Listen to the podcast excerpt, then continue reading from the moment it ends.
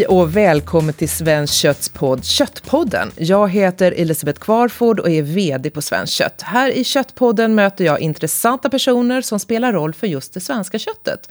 I det här avsnittet träffar vi Ardalan Shekarabi, civilministern som satt ner foten när det kommer till upphandling av maten till våra skolbarn och åldringar. Hej och välkommen Ardalan. Tack så mycket. Jag tänkte att vi börjar med några snabba frågor för att ta dig på pulsen lite grann. Vem är du? Ja, vem är jag? Jag är, jag är fortfarande 38, blir 39 snart, eh, bor utanför Uppsala då, i Knivsta. I grunden eh, jurist och eh, har egentligen hållit på med upphandlingsrelaterade frågor under de senaste åren. Också först då som jurist och forskare men nu också då som politiker.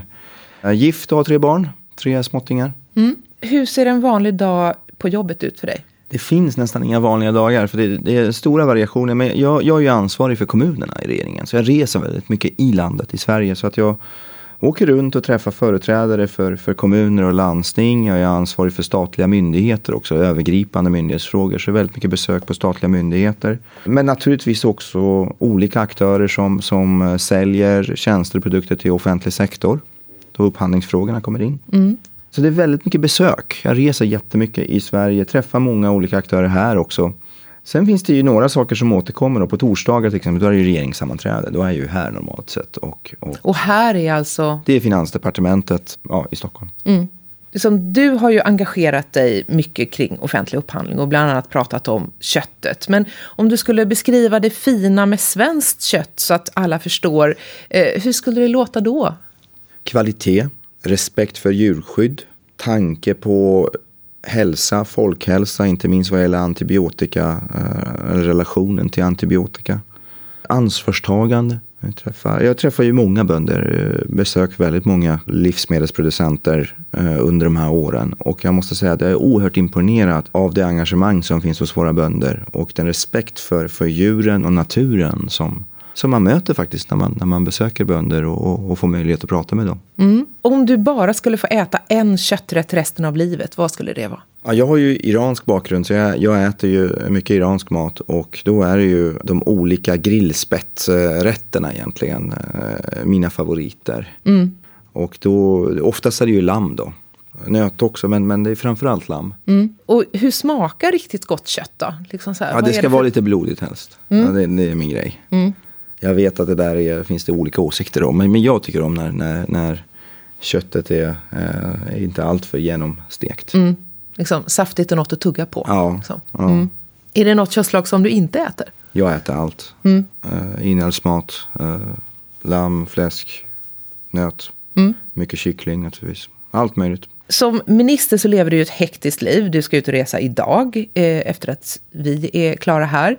Eh, hinner du laga mat själv någon gång? Ja, jo på helgerna brukar jag laga mm. mat. Jag tycker om att laga mat. Jag tycker att det är, det är, det är roligt att laga mat. Och speciellt också när man liksom kan göra det tillsammans i familjen, när barnen är med. Då blir det ännu roligare. Mm. Det är en, en favoritsysselsättning när tiden finns, ska jag vara ärlig och säga. Under veckorna är det ju ganska mycket halvfabrikat som, ja. som serveras hemma hos oss. För det, man hinner liksom inte. Finns det några stamgäster i kylskåpet? Ja, alltså pannkakor är ju, är ju barnens eh, favorit. Och mm. köttbullar och korv, alla möjliga korvsorter finns eh, normalt sett. Mm. Om du skulle bjuda några kompisar på middag, vad blir det då? Eh, ja, det brukar vara väldigt mycket lamm.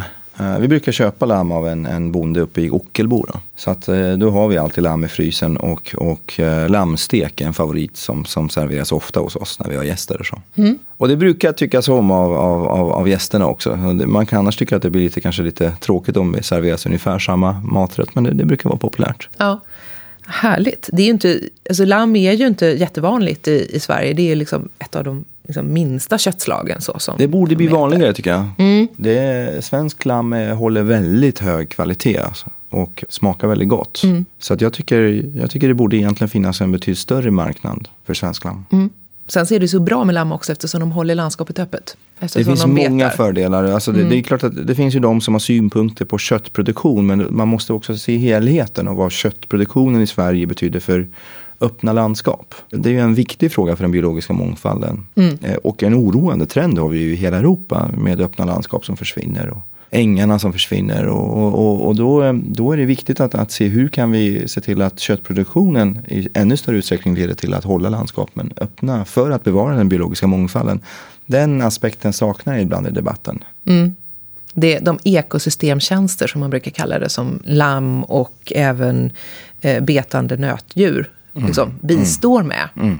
Så. Ja, ja, men det är lätt att tappa bort det. Lätt att tappa bort kretsloppet också. Ja, men det, just nu är det väldigt mycket fokus på klimatet i, mm. i miljödebatten och det, det, är ju med rätta naturligtvis. Det finns ju en mycket allvarlig situation kring klimatutvecklingen. Men, men vi får inte liksom tappa de andra delarna av, av, av miljöfrågorna. Och den biologiska mångfalden är ju en, en central del där vi har ett behov av att jobba ännu mer aktivt för att bevara mångfalden. Mm. Vad har du för mål med just ditt uppdrag som civilminister? Ja, det är många olika ansvarsområden som jag har. Jag har egentligen de, alla de frågor som handlar om liksom organisationen för, för den offentliga sektorn kan man säga. Uh, och jag har några liksom, eh, prioriterade områden. Det ena är att se till att våra kommuner får så goda förutsättningar som möjligt. Jag tror ju på lokal demokrati, på decentraliserad välfärd. Och besluten fattas ute i kommunerna och landstingen nära medborgarna.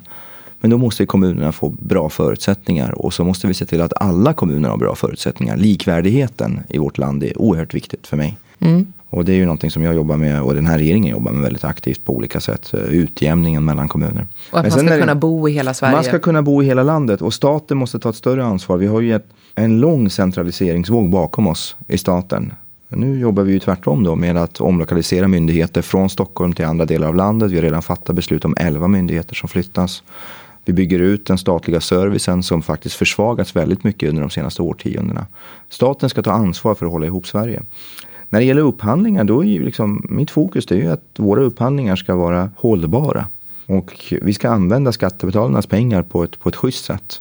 Både tänka på effektiviteten i offentliga verksamheterna men se till också att vår konsumtion inte blir destruktiv. Och livsmedelsupphandlingarna är ju väldigt viktiga där. Vi köper ju ändå livsmedel för ja, någonstans runt 12 miljarder tror jag någonstans. Där eh, brukar uppskattningarna hamna på.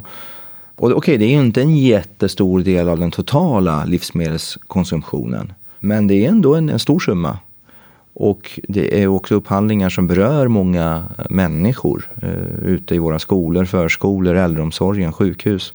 Och då är det ju rimligt att vi tänker på hållbarheten, att vi tänker på hur kan vi våra livsmedelsupphandlingar ge våra leverantörer här hemma goda förutsättningar mm. till bra affärer med staten och, och kommuner och landsting.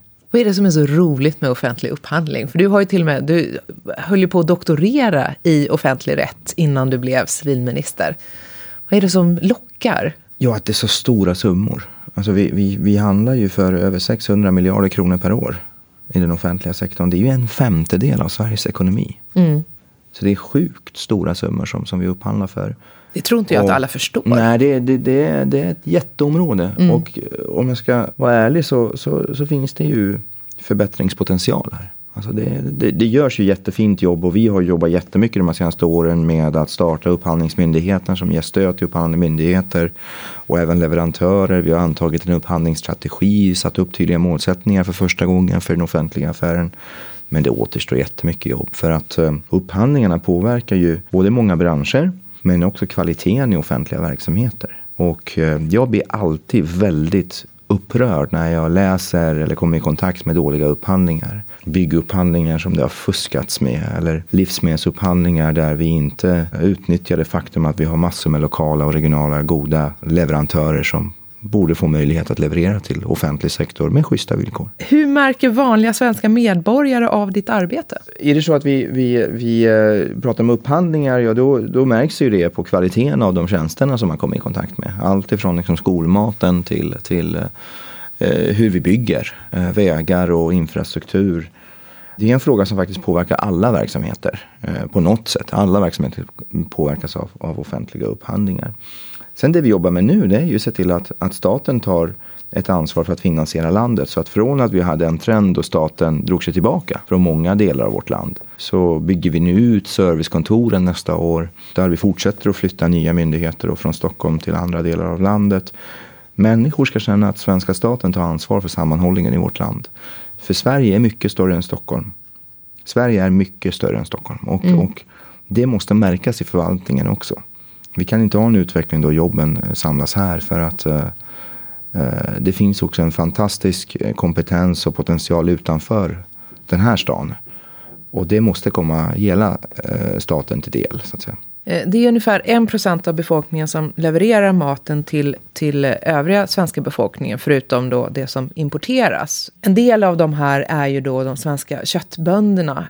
Hur, vad är din bild av hur en svensk köttbonde har det idag? Ja, det är klart att det finns ju väldigt stora variationer. Vi har väldigt stora gårdar med eh, enorma investeringar som har gjorts och, och bra marginaler till mindre liksom, aktörer som, som, som har det ganska tufft.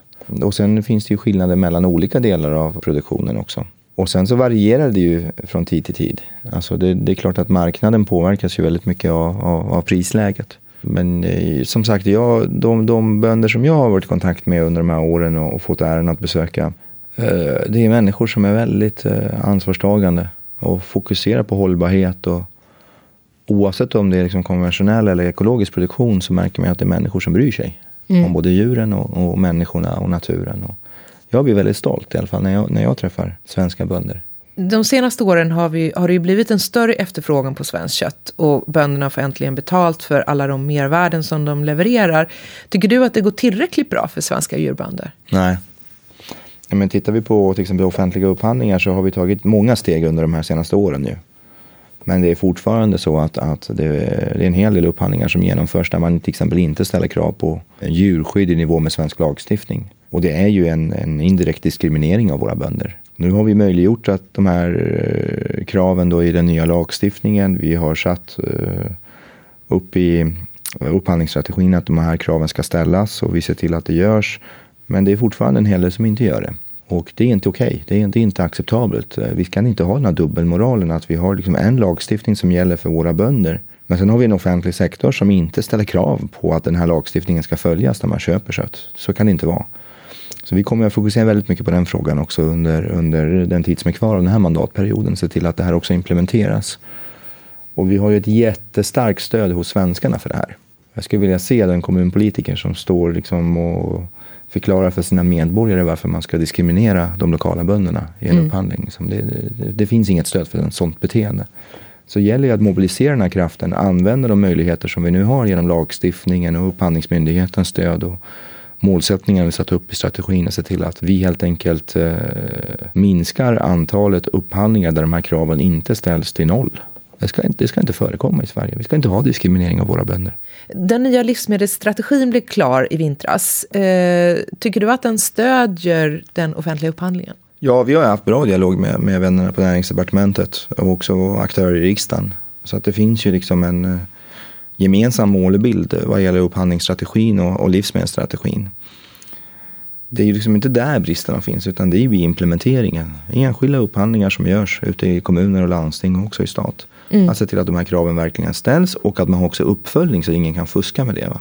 För det, det, värsta som finns det är när vi har fusk där, där det liksom anges att det är svenskt kött så är det inte svenskt kött av, av, av, av matleverantören och så kan det ju inte vara. Alltså. Nej. Har du några tankar om vad man skulle kunna göra åt det? Ja, vi, vi, vi har ju sett till då att Upphandlingsmyndigheten ger stöd i också uppföljningsrelaterade frågor. Eh, så det, det, det är någonting som de jobbar med, att ta fram bättre upphandlingsmetoder. Mer samordnad uppföljning som underlättar för leverantörer också. Men eh, det här är eh, det är ju liksom ett, ett, ett, arbete som man måste hålla i. Det räcker liksom inte med att vi har möjliggjort i lagstiftningen satt upp målen. Du måste också se till att det här sker på varje ställe, i varje kommun, i varje landsting. Och där tror jag att vi måste hjälpas åt att ta hjälp av den aktiva opinion som finns. Och se till att medborgare lokalt och regionalt faktiskt eh, sätter press på sina makthavare så att de här kraven ställs. Och det handlar inte bara om att krav, ställa krav på djurskydd utan det handlar ju lika mycket om att se till att till exempel dela upp upphandlingarna i mindre delar så att de lokala regionala leverantörerna får en chans att komma in och få offentliga kontrakt. Det leder till en regional utveckling, skapa sysselsättning. Mm. Det, och ett lokalt engagemang ett också. Ett lokalt engagemang. Man kanske kan se till att, att barnen får möjlighet att besöka den gård där köttet produceras. Mm. Få en relation till djuren, få en relation till verksamheten. Det leder i slutändan till att vi får en starkare gemenskap lokalt regionalt. Så upphandlingar är, det är inte oviktigt i det här faktiskt. Nej. Varje år upphandlas livsmedel till de offentliga köken för ungefär 10 miljarder kronor. Och Eh, en hel del av det är kött, men bara ungefär 40 procent av köttprodukterna och hälften av det hela köttet kommer från Sverige. Vad kan vi göra? Ja, men det, det, första är ju det självklara som inte har gjorts tidigare och som som sagt är en diskriminering mot våra bönder. Det, är ju, det handlar ju om de här djurskyddskraven. Vi har eh, höga krav, långtgående krav vad gäller djurskydd. Och det är bra, det ska vi vara stolta över, det ska vi försvara.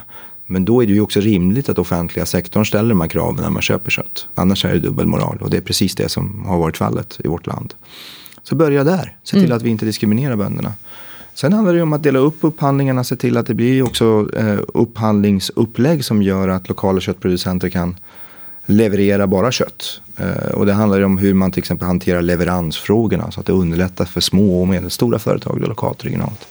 Eh, det är mycket som går att göra och det, det, finns ju många goda exempel. Jag måste säga jag är imponerad när jag åker runt i kommuner också. Jättemånga kommuner där man lägger ner energi nu på livsmedelsupphandlingar. Har du några tips om kommuner man skulle kunna Ja, Härnösand är ju till exempel en kommun som, som man brukar lyfta i, mm. i många sammanhang. Det handlar ju, det kanske i debatten blir väldigt mycket fokus på om man ställer krav på att eh, livsmedel som, som upphandlas ska vara ekologisk. Och, och, det är ju liksom en aspekt, men det handlar ju om andra delar också. Alltså, det är bra om vi liksom har en, en lite bredare diskussion om hur upphandlingar av livsmedel kan förbättras. Uh, och det är jättebra med, med fokus på liv, ekologiska produktionen. Men titta också på djurskyddsfrågorna, titta på upplägget kring upphandlingar. Se till att, att också bygga upp en relation mellan eh, kommunmedborgare och leverantörer. Mm. Eh, jag tror verkligen på det här att barnen borde verkligen få se djuren som finns på de gårdar som levererar mat till skolorna. Det är en väldigt bra sak. Mm. Det skapar förståelse för svensk jordbruk vi behöver mer av det. Jag märker ju att barn och ungdomars kunskap om, om matproduktion och jordbruk är ju på, på många ställen liksom inte tillräckligt bra. Jordbruksverket har tagit fram en eh, jättebra skolmaterial nu som heter Maträtt som är för högstadiet. Mm. Där kan man bland annat titta på en, en film där man får besöka liksom, hur ser det ut inne i ett grisstall och så får man också gå ut i kohagen och titta på liksom, alla de växter och pollinerare och, och så som, som lever där och, och hur eh, korna håller landskapet öppet. Mm. Eh, så, som ett tips till våra lyssnare att eh, kolla in maträtt. Vi har ju också ett växande problem med antibiotikaresistens på landets sjukhus. I Sverige använder vi minst antibiotika inom djuruppfödningen av alla EUs medlemsländer. Men samtidigt så serveras ju kött på landets sjukhus som kommer från djur som har fått flera gånger mer antibiotika än svenska djur. Och det gör man för att spara pengar. Är inte det lite galet? Det är inte lite galet, det är väldigt galet. Jag blir så provocerad när jag läser om att vi köper kött då från, från länder. Nu vill jag inte liksom hänga ut något land. Men det finns ju länder som, som har betydligt eh, högre antibiotikaanvändning än vad mm. vi har. Tyskland 16 gånger. Och så köper vi kött därifrån. I ett läge där vi har eh, lokala köttproducenter här. Som levererar kvalitetsprodukter. Som är beredda att leverera kvalitetsprodukter till offentlig sektor. Och där vi genom konsumtionen kan också skapa sysselsättning och utveckling här i Sverige. Jag, jag, menar inte att vi ska diskriminera bönder från andra länder i EU. Men jag säger bara ställ de krav som, som gäller för svenska bönder. Se till att åtminstone inte missgynna de svenska bönderna. Mm. Och det är fullt möjligt att genomföra strategiska upphandlingar som släpper in lokala och regionala leverantörer. Utan att man behöver diskriminera någon. Alltså bara genom att tänka. Se till att ställa rätt krav. Ha rätt upplägg. Rätt uppföljning.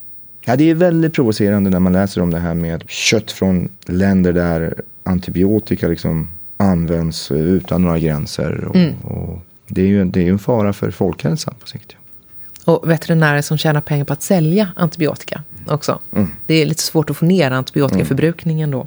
Jag tror svensk kött måste, alltså svensk köttindustri och, och, och, producenterna måste prata ännu mer om det här. För det är mm. många som inte känner till det här. Va? Mm.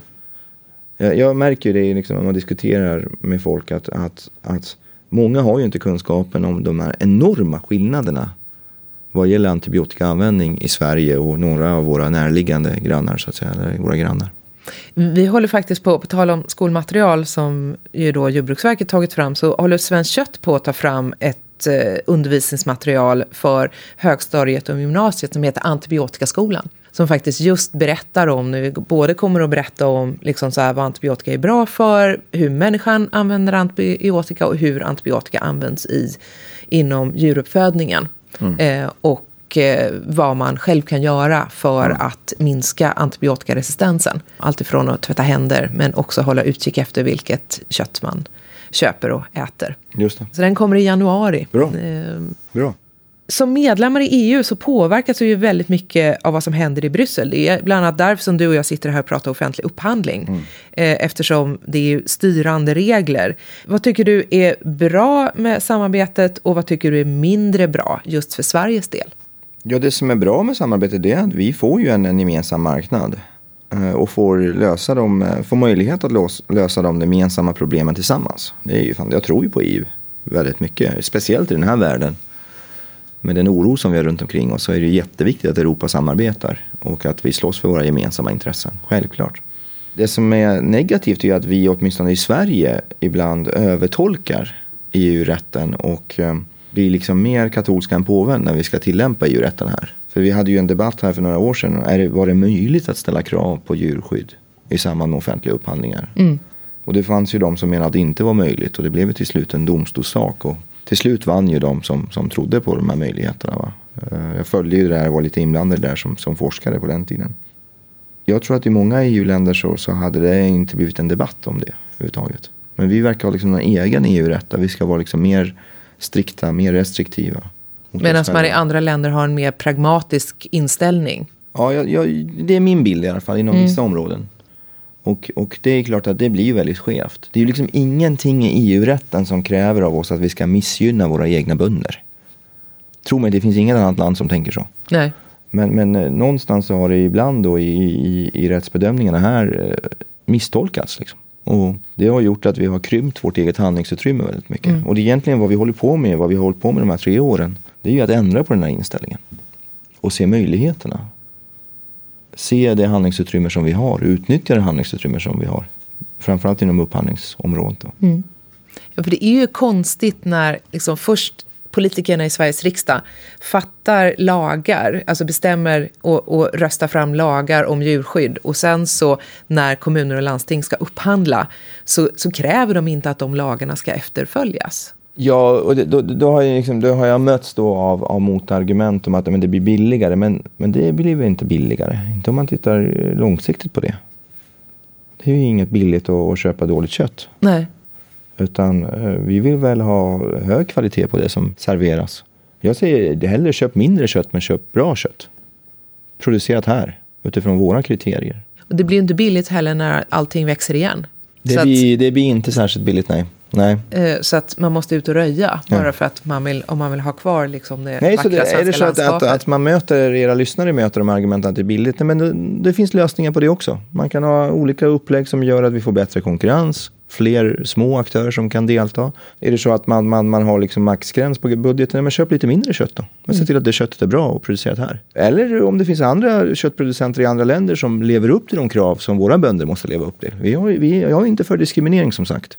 Men då får vi se till också att de producenter som vi köper köttet av, de utländska producenter som vi köper köttet av, har samma kvalitet, samma standarder som våra bönder måste följa. Om vi ska gå över till liksom så vanliga köttätande konsumenter. Om du skulle ge en svensk tre goda råd om eh, vad de ska äta för kött, vad skulle det vara? Ja, det, det, det är ju efter en smak som, som man har. men, men jag gillar ju... Eh, har du några favoritstyckdetaljer? Ja, det, det, är många olika delar faktiskt. Eh, jag äter faktiskt allt. Det låter lite konstigt, men, men igår till exempel åt jag lever. Mm. Det var ju uppe i Gävle, eh, mina hemtrakter, med en journalist. Då skulle göra reportage om, som skulle göra reportage om, om, om den liksom miljön där jag växte upp och sådär. Och då gick vi till en restaurang som heter Pigalle som ligger i Gävle. Där de har traditionell husmanskost som har serverats där sedan 1958. Ungefär samma liksom, matsed där också. Jag åt då eh, leverbiff, jag tror jag. Mm med kapris och potatis. Det var jättegott. Det är inte så många som äter indisk mat längre, men jag, jag, tycker om det mm. jättemycket. Men eh, ja, egentligen alla delar av köttet har ju, har ju liksom sin charm och, och sin goda smak, va? Mm. beroende på hur man tillagar det och så. Det är både långkok och det, det är. Vi, vi gör både mycket långkok hemma men också eh, grill naturligtvis. Vi grillar mycket. Mm. Uh, I persiska matlagningen är ju, är ju liksom grillningen en, en ganska viktig del. Va? Så jag grillar till och med på vintern ibland. Mm. Och sådär. Jag tycker det, det, det är gott. Mm. Så ut med klotgrillen i trädgården och så. Ja. ja. Men eh, ta vara på alla delar av köttet. Det är mm. väl mitt tips egentligen. Mm. Och underskatta liksom inte de här bortglömda delarna av köttet. Nej. Det finns mycket gott där också. Mm. Ja, själv så är jag faktiskt också väldigt förtjust i njure. Mm, det är gott. Det är gott. Ehm, Jag växte upp med en lite knäpprätt som var... Det fanns, på 70-talet fanns något som hette Kinamix. Det var en fryst rishalvfabrikat eh, halvfabrikat från typ Findus eller Felix. Eh, som var, det var ris, kokt ris och så var det uppblandat med, med ärtor, paprika och majs tror jag. Och det här stekte vi och blandade tillsammans med stekt njure. Och det var liksom vårt, det var vårt lördagsmys. Det låter helt sjukt, men jag tyckte att det var jättegott. Liksom. Ja. Så att jag har så här otroligt så här, fina barndomsminnen just från denna så här, stekt njure med kinamix. Ehm, det, det är spännande det där med vilka, vilka rätter som väcker liksom så barndomsminnen Mm. och, och så hos en. Verkligen. Eh, så att, och där är det väl så kanske att några, där är det ju några rätter som kanske som typ lever, som tyvärr kanske skolmatsalen, skolbespisningarna har förstört lite. Så är det, det märker jag ju liksom när man pratar med folk att dålig matlagning har faktiskt skrämt folk från, från liksom, eh, viss liksom, konsumtionsbeteende. Liksom. Och det är framförallt i våra skolor. Så man, Men nu har det skett förbättringar tycker jag. När man är ute och besöker skolor. Jag tycker det är bra mat på de flesta ställen. sådär, va. Så har Jag- det kanske inte alltid varit. Nej, och jag tror också att det finns ett ökat intresse och en ökad stolthet också. Man pratar om skolkökskockar lite mer istället för som när jag växte upp, det var bambatant. Växte upp på västkusten, så då var det ju bamba människor som som var... man möter när man är ute på skolorna. Jätteengagerade, inte minst engagerade i de här frågorna. På tal om det, alltså de upphandlingar som är framgångsrika ute i kommunerna. Det är när man, när man eh, tar med de grupperna. Mm, de som när kostcheferna jobbar med maten, får- kostcheferna, men Ja. även de som jobbar ute i verksamheten. Som är med och utformar upphandlingen. Mm. Då blir det riktigt bra. Så jag, jag måste säga, det, det har varit en väldigt positiv resa under de senaste årtiondena. Jämfört med när jag gick i skolan tycker jag det har blivit mycket bättre. Om du skulle ge Sveriges köttbransch några tips, vad skulle det vara? Förutom att vi skulle informera mer om till exempel antibiotikan. Nej, men jag tror att eh, bygga allianser med, med, med andra eh, aktörer och grupper i lokalsamhället. Mobilisera alla de medborgare ute i kommuner och landsting som vill ha schyssta eh, krav i samband med matupphandlingar. Se till att de sätter press på sina kommun och landstingspolitiker. Det här är en politisk fråga. Man ska ta ansvar. Det finns ett jätteengagemang, ett engagemang som växer. Herregud, det har till och med varit demonstrationer i samband med livsmedelsupphandlingar. Så det finns många som är engagerade i detta. Ja. Det där måste mobiliseras så att det blir liksom en kraft lokalt och regionalt. Och så lyft fram vad köttet betyder för, för den biologiska mångfalden. Det är väl framförallt nöt och, och, och lammproduktionen som, som, som har en De jätte- be, betande mularna. Ja. Mm. Som har en positivt, liksom, positiv inverkan på, på, på arbetet med den biologiska mångfalden.